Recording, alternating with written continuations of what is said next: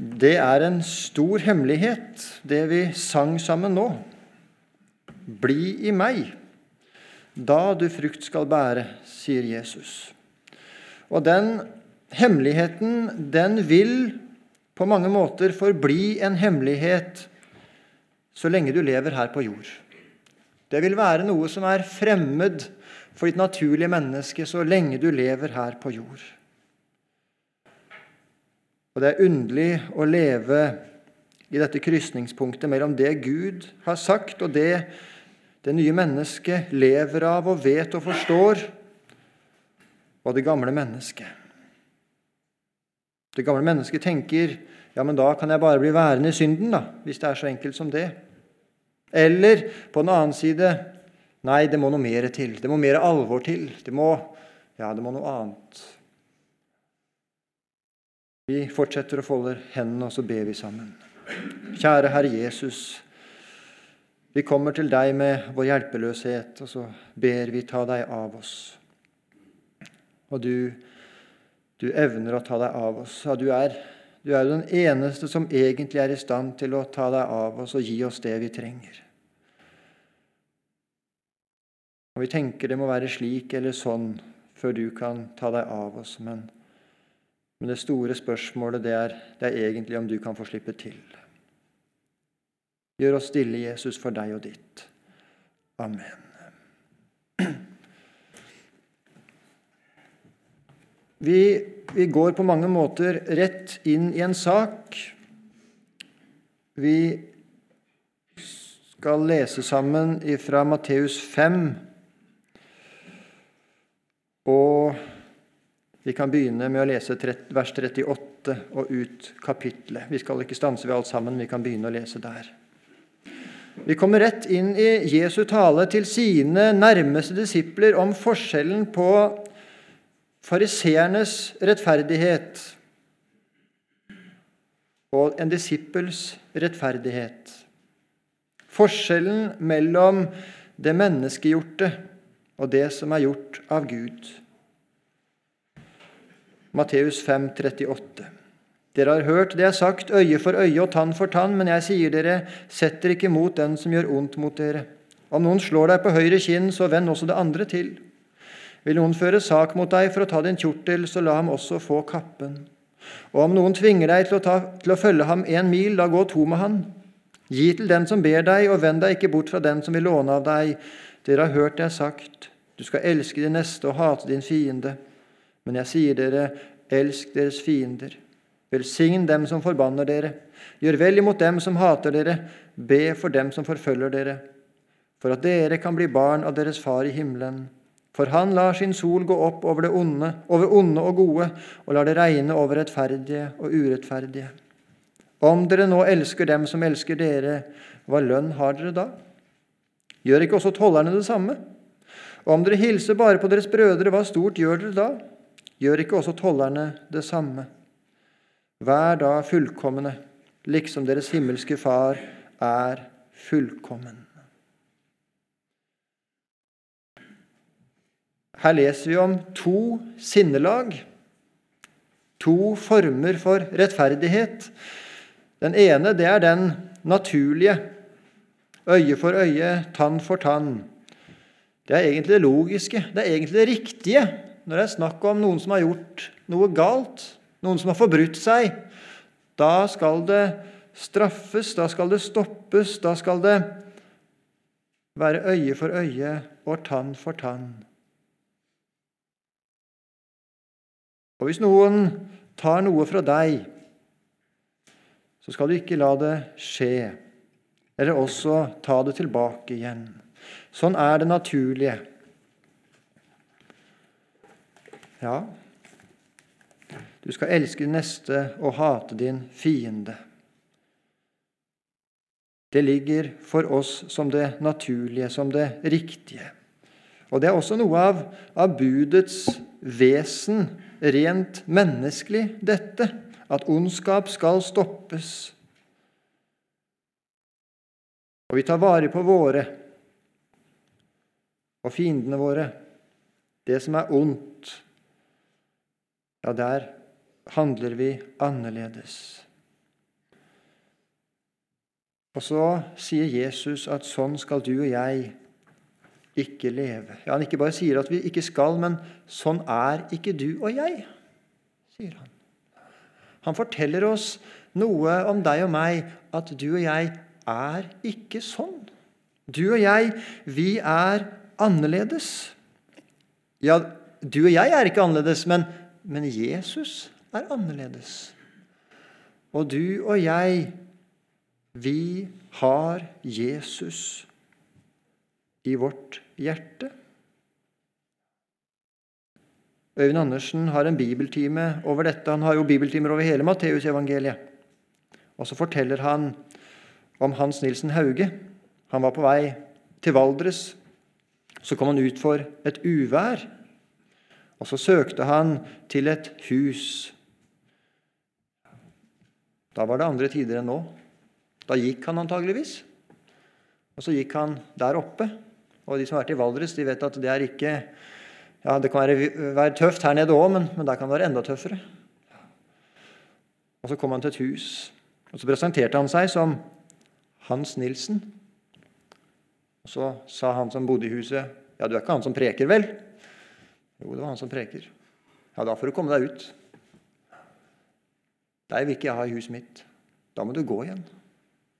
Så tok Hans Nilsen Hauge kappa si som han hadde tatt av seg, så tok han på seg den, og så gikk han ut. Og Da vet ikke jeg akkurat hvor i Valdres han var, men, men, det er ikke akkurat masse hus oppi der, så det kunne jo hende det var langt å gå. Kanskje han ikke hadde noe annet sted å gå. Kanskje han var forberedt på å bruke natta ute. Og Så forteller begge disse to, sier Øyvind Andersen, om denne episoden. Hans Nilsen Hauge forteller det at da tok jeg Kristi sinnelag på meg. Da ikledde jeg meg Kristi sinnelag. Og så vet ikke om han sa jeg lukka min munn, men i hvert fall så gjorde han det. Han sa ikke noe mer, og så gikk han. Og Så var det sånn med denne bonden at han, han sprang ut etter Hans Nilsen Hauge og sa, 'Be for meg at jeg må bli en kristen'.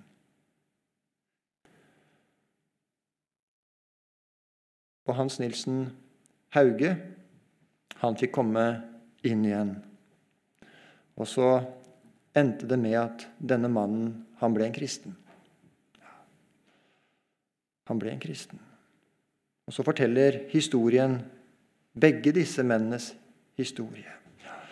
Og sier Øyvind Andersen vi vet jo at Hans Nilsen Hauge han kunne være brå. Han hadde ikke noe lett natur. Han var ikke noen enkel mann når han var den han var. Men så ikledde han seg Kristi sinn.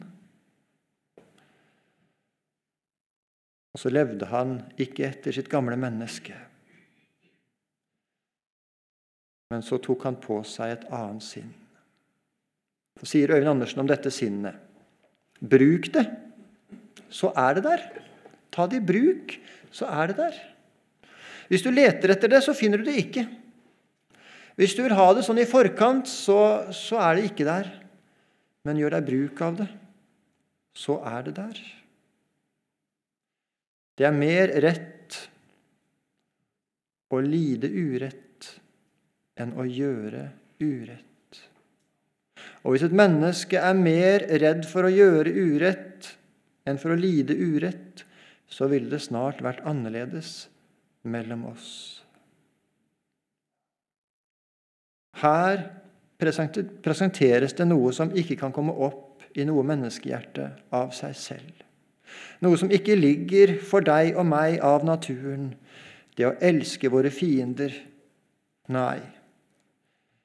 Det kan vi kanskje gjøre i det utvendige, men av hjertet så kjenner vi at det byr oss imot. Det evner vi ikke.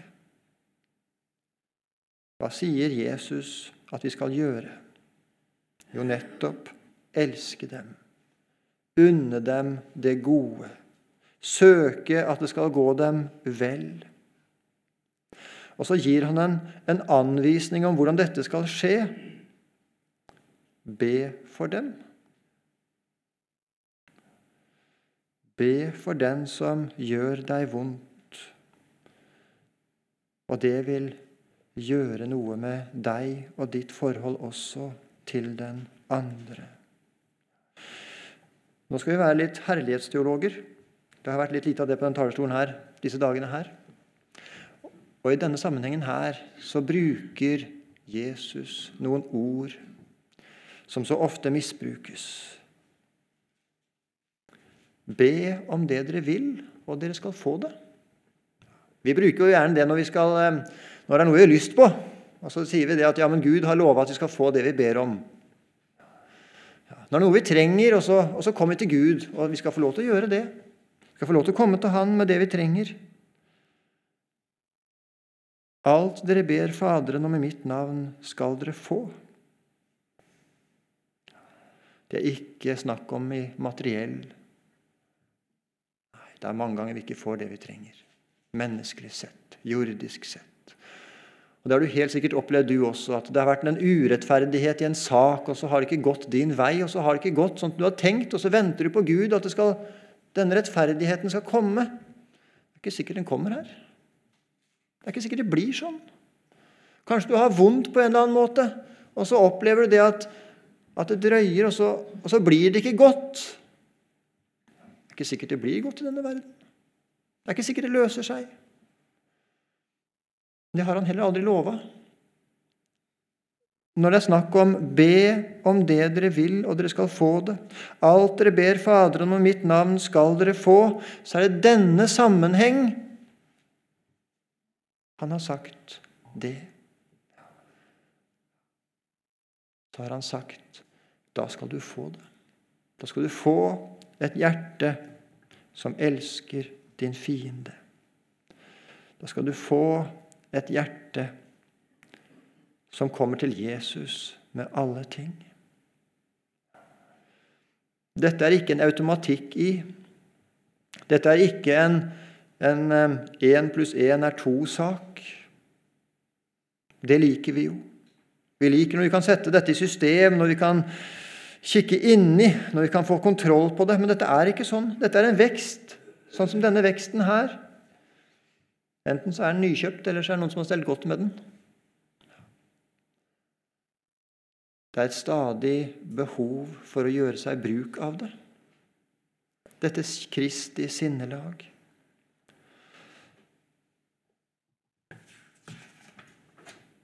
Et sinnelag som har sitt liv i noe annet enn jordisk rettferdighet. Men er det ikke urettferdig, da, om noen vil ta din kjortel, er det ikke urettferdig? Jo, det er urettferdig.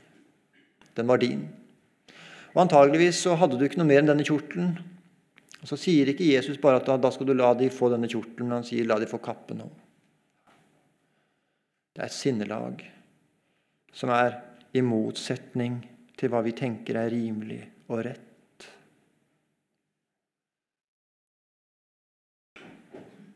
Og Da var det altså ikke sånn som det er i vår tid. Om noen hadde tatt min jakke, så hadde det ikke vært noe problem. Om noen hadde tatt mine sko, det hadde ikke vært noe problem, for jeg har et skap fullt av sko hjemme. Jeg har et skap fullt av jakker hjemme. Det hadde vært Ja, jeg kunne unne noen min jakke. Jeg kunne unne noen tre jakker òg, for jeg har flere. Og jeg kunne kjøpt en ny en om så var. Men her er det snakk om noe annet. Det er snakk om noe dypere. Det er snakk om at i denne situasjonen så har dette mennesket som kan gi bort kappen sin, som kan gi bort kjortelen sin. Det har en tillit til at om jeg gir den bort, så er det en annen som tar seg av meg. Mitt liv, det ligger i en annens hånd. Og de jakkene jeg har i skapet hjemme, de har egentlig ikke jeg heller anskaffet. De skoene jeg har hjemme, de har jeg også fått. Og han som har gitt meg dem, han gir meg de jeg trenger. Han gir meg det jeg trenger i morgen. Det er ei eh, kvinne som, som levde tidligere, som, som, sa det. Når jeg skyfler ut, skyfler Gud inn, og hans skyffel er større enn min, sier hun. Når jeg skyfler ut, skyfler Gud inn, og hans skyffel er større enn min. Det er det å få lov til å legge det alt sammen i hans hånd. Og det gjør jeg først når jeg gir det som er mitt. Det gjør du først den erfaringen av at nå skal ikke jeg passe på min ære. Nå skal ikke du passe på din ære. Nå skal ikke du passe på at det går rettferdig for seg her i denne saken. Nå skal ikke du passe på at noen utnytter deg eller ikke utnytter deg. Nei, den saken, den er Guds. Dette regnskapet som Gud ikke holder med deg, det skal ikke du heller holde med andre. Og det setter deg fri. Det setter deg fri fra hva du har. Det setter deg fri fra hva du er. Det setter deg fri fra hva andre mennesker tenker om deg. Det setter deg fri fra din ære. For du søker ikke, du som er en kristen, lenger din ære. Du jager ikke lenger etter ære, du som er en kristen. Det gjør vi jo likevel, du og jeg som har et kjød. Derfor skal vi stadig bli minnet på dette. At du som er en kristen, du søker ikke å bli husket. Du søker ikke å bli sett opp til. Du søker ikke at mennesker skal tenke 'oi, der går han', og han er slik og han er sånn. Han er en god predikant. Han har det rette synet, de rette meninger. Vi hørte det i går. Et menneske som hører Jesus til, søker at det skal lukte Jesus av han og henne.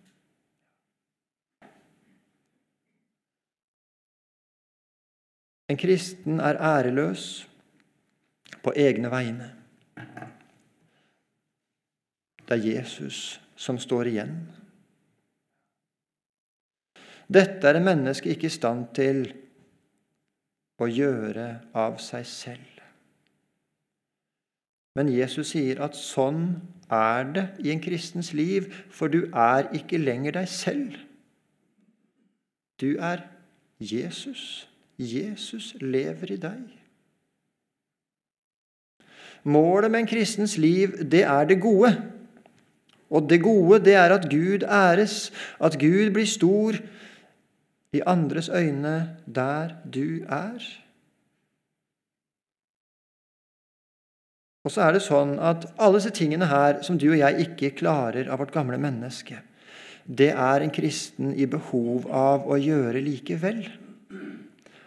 Er i behov av å leve denne retningen. Er i behov av at Ja, jeg får det ikke til, men jeg har en trang til at det skulle vært sånn i mitt liv. Å gjøre det. Det er en trang, en hjertetrang etter hva som er rett. I dette avsnittet vi har lest sammen nå, så står det om to rettferdigheter. En regningsrettferdighet, hvor man setter opp et regnskap om noen som har gjort det ene, og da skal jeg ta igjen. Om noen har stelt seg sånn i forhold til meg, noen har sagt det i forhold til meg, og da er jeg fornærmet, for noen har gjort det. Noen har stilt meg et dårlig lys. Noen har fått vite noe om meg som enten er sant eller ikke sant, setter meg et dårlig lys, og det liker jeg ikke. Og da prøver jeg å få det sånn at de skal synes godt om meg igjen. Eller en kjærlighetsrettferdighet. Den rettferdigheten har et annet vesen over seg. I regnskapsrettferdigheten, da er det jeg som er målet. Da skal jeg få det sånn som jeg vil ha det. Da skal det bli rettferdig ut fra like for like. Og ut fra det jordiske. Og denne andre, denne kjærligheten. Da er det den andre som er målet. Det andre menneskets gode, det andre menneskets medgang det andres godes seier. Og ser du hvilken rettferdighet kjærlighetsrettferdigheten er? Det er den rettferdigheten som Gud møter deg med. Det er den rettferdigheten som satte deg fri fra hva du er. Kjøpte deg fri fra dine synder. Den kjærligheten den skaper noe i ditt hjerte. Vi kan ikke sette opp et system over dette.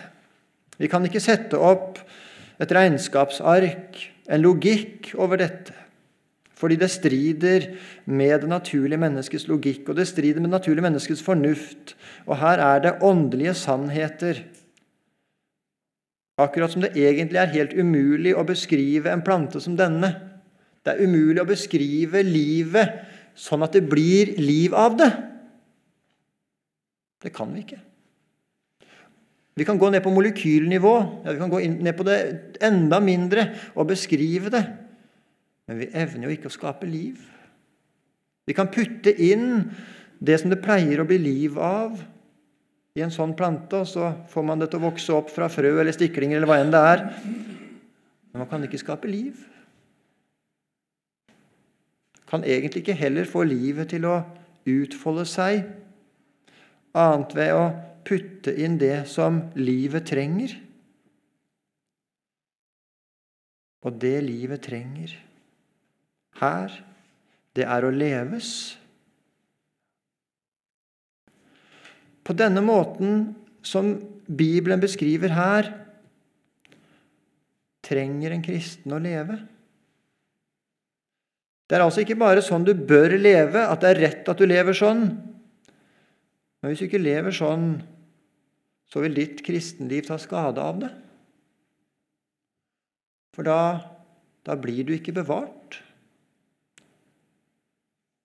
Denne måten å leve på bevarer deg mot deg selv, og du selv er din verste fiende. Det er fryktelig dom over deg. Det er ikke de andre menneskene som er din verste fiende. Det er ikke synden som er din verste fiende. Det er du. For en lyst du bærer på. For en motvilje mot det gode du bærer på. For en oppdrift du bærer på. En oppdrift på å skulle ha det sånn som du vil ha det. Og hva er ikke du villig til å gjøre for å få det som du vil ha det? Hva er ikke du i stand til å gjøre for at det skal bli sånn som du vil? Det er rett, vet du, for det er kristelig rett. For det du og jeg mener det er kristelig rett, og da kan vi gjøre slik, og vi kan gjøre sånn, og vi kan oppføre oss på den måten. Ja, Det er lett at det blir sånn. En kristen søker ikke at det skal gå min vei, men at det skal gå Jesus sin vei. Stefanus bruker Øyvind Andersen som et bilde, som et forbilde i denne sammenhengen her. Tilregn dem ikke det de gjør. Det er et annet sinnelag. Og hva er det ved Stefanus som gjør at han har dette sinnelaget? De kaster stein på han til han dør. Jo, dette sinnelaget hos Stefanus det kan du og jeg ikke forstå. Det er ikke Stefanus, det er Jesus. Men dette bevarte Stefanus. Dette var et gode for Stefanus, ikke i denne verden, men i det evige. Og så var det en som sto der og passa på klærne da Stefanus ble steina. Det var Paulus. Stefanus sin handling, Stefanus sin oppførsel, Stefanus sin tanke, Stefanus sin vei Det var med på å gjøre Paulus til den Paulus ble. Ganske sikkert. La dette sinn råde i dere. Det er tale om et sinn som er i en kristen, og som skal ha plass, og som må ha plass. Et sinn som lever i strid med kjød og synd. Som ikke søker ære. Og vi er så falske, vi er så bedrageriske. Vi, er, vi evner å være fariseiske i alt vårt. Og Når vi vet at fariseere ikke skal sette seg foran, så setter vi oss bak. Ja. Så er fariseere der òg. Så vet vi at fariseere oppfører seg sånn, så gjør vi det motsatte, for vi skal ikke være fariseere. Og så er vi fariseere og ikke sånn. Det er kjød. Når Jesus tar oppgjør med fariseisme, så tar han også oppgjør med din og min kjødelighet. Han tar oppgjør med vårt kjød. Han tar oppgjør med vårt naturlige menneske. For vårt naturlige menneske er på denne måten og vil alltid være det, og vil aldri heller bli annerledes. Evner det ikke. Og det er ikke mangel på alvor.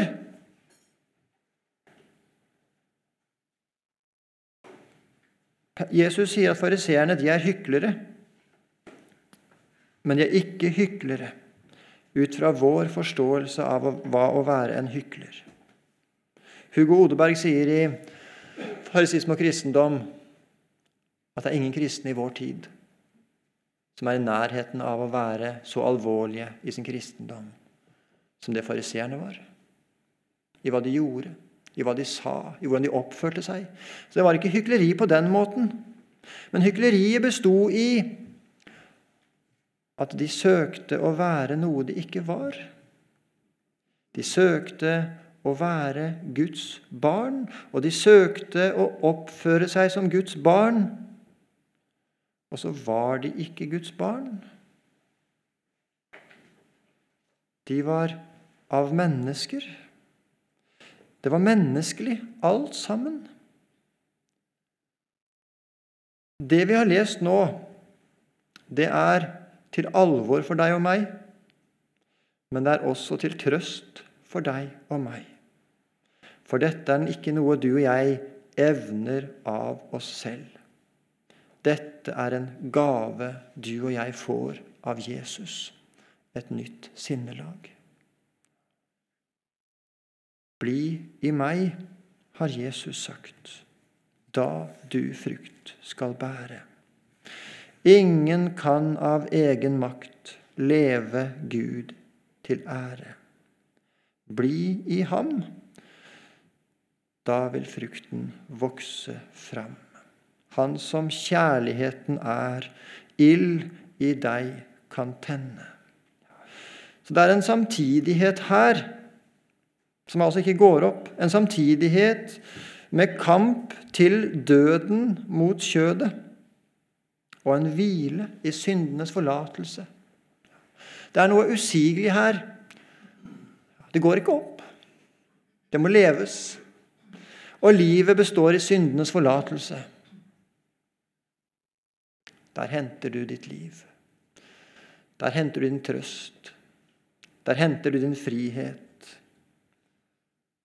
Der er du fri, du som er en kristen.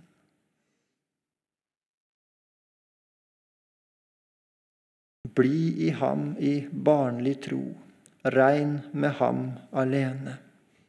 Selv han da i deg vil bo, med sin kraft deg tjene. La deg prege av Guds lam.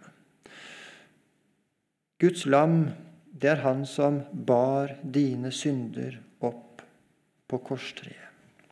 Og dette samvirket her,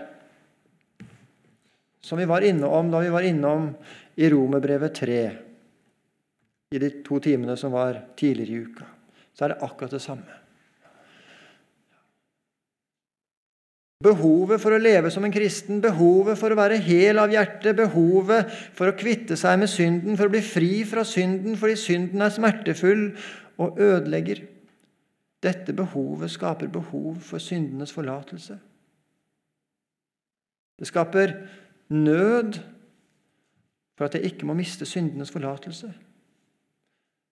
Det tvinger et menneske inn i behov av renselse fra hva jeg har og er i meg selv. Matteusevangeliet, Romerbrevet Hele Bibelen er samstemt om dette. Det er et veldig vitnesbyrd om at Gud står bak sitt ord, at han er opphavet til sitt ord.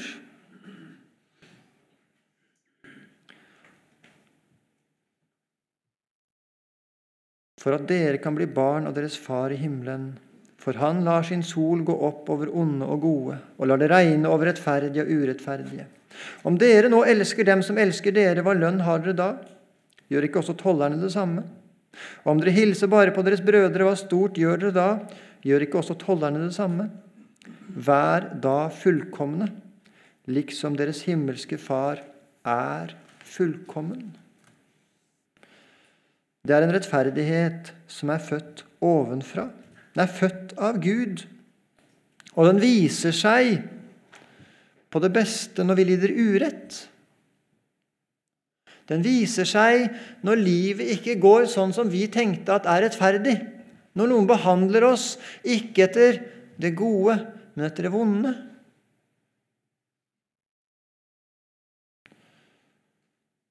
Da tar vi Jesus sinn i bruk så det er virksomt. Ta Jesus sinnelag. Da blir Jesus stor. Stor for deg, stor for menneskene rundt deg. Og da kan et menneske møte Gud gjennom deg. Hvis du er sånn som de andre, ja, da vil jo ikke menneskene møte noe annet enn seg selv hos deg. Men om du tilgir også den som ikke fortjener å bli tilgitt Om du tilgir igjen en som ikke fortjener å bli tilgitt Og om du ikke evner å tilgi, så, så ber du Gud om å få et hjerte som er sånn at du tilgir. Og gi meg, Gud, et hjerte så jeg kan tilgi dette mennesket. Gjør meg sånn som Stefanus Jesus. Vi skal ta for oss Fader vår etter pausen. Gi meg et nytt sinn. La dette sinnet vokse i meg. Det er en kristens behov.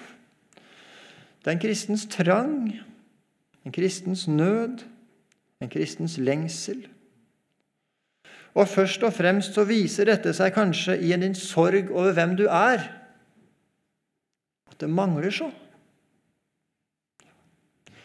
Gud er jo et speil i loven, hvor du får se hvem du er.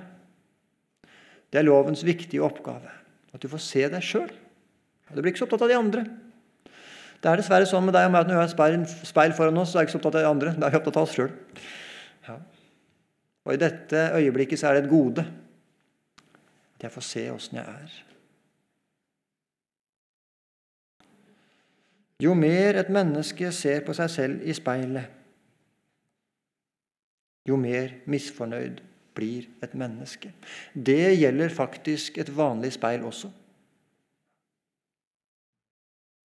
Det er forresten derfor det er så uhyggelig det at mennesker går og tar bilde av seg sjøl hele tiden.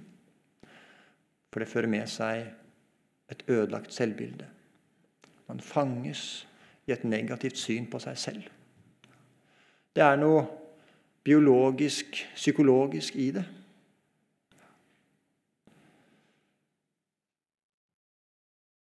Det snakkes om det i psykiatrien.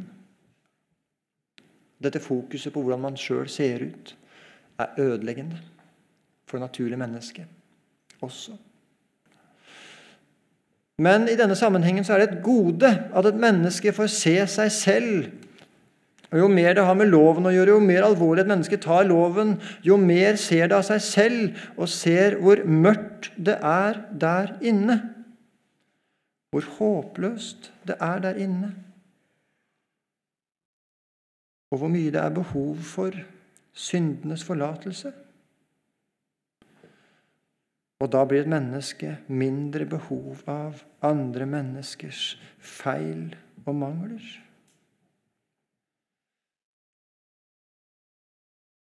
Og så i kapittel 6 Vi skal ikke starte på det nå, vi skal starte litt på dette, men vi skal bare nevne det kort.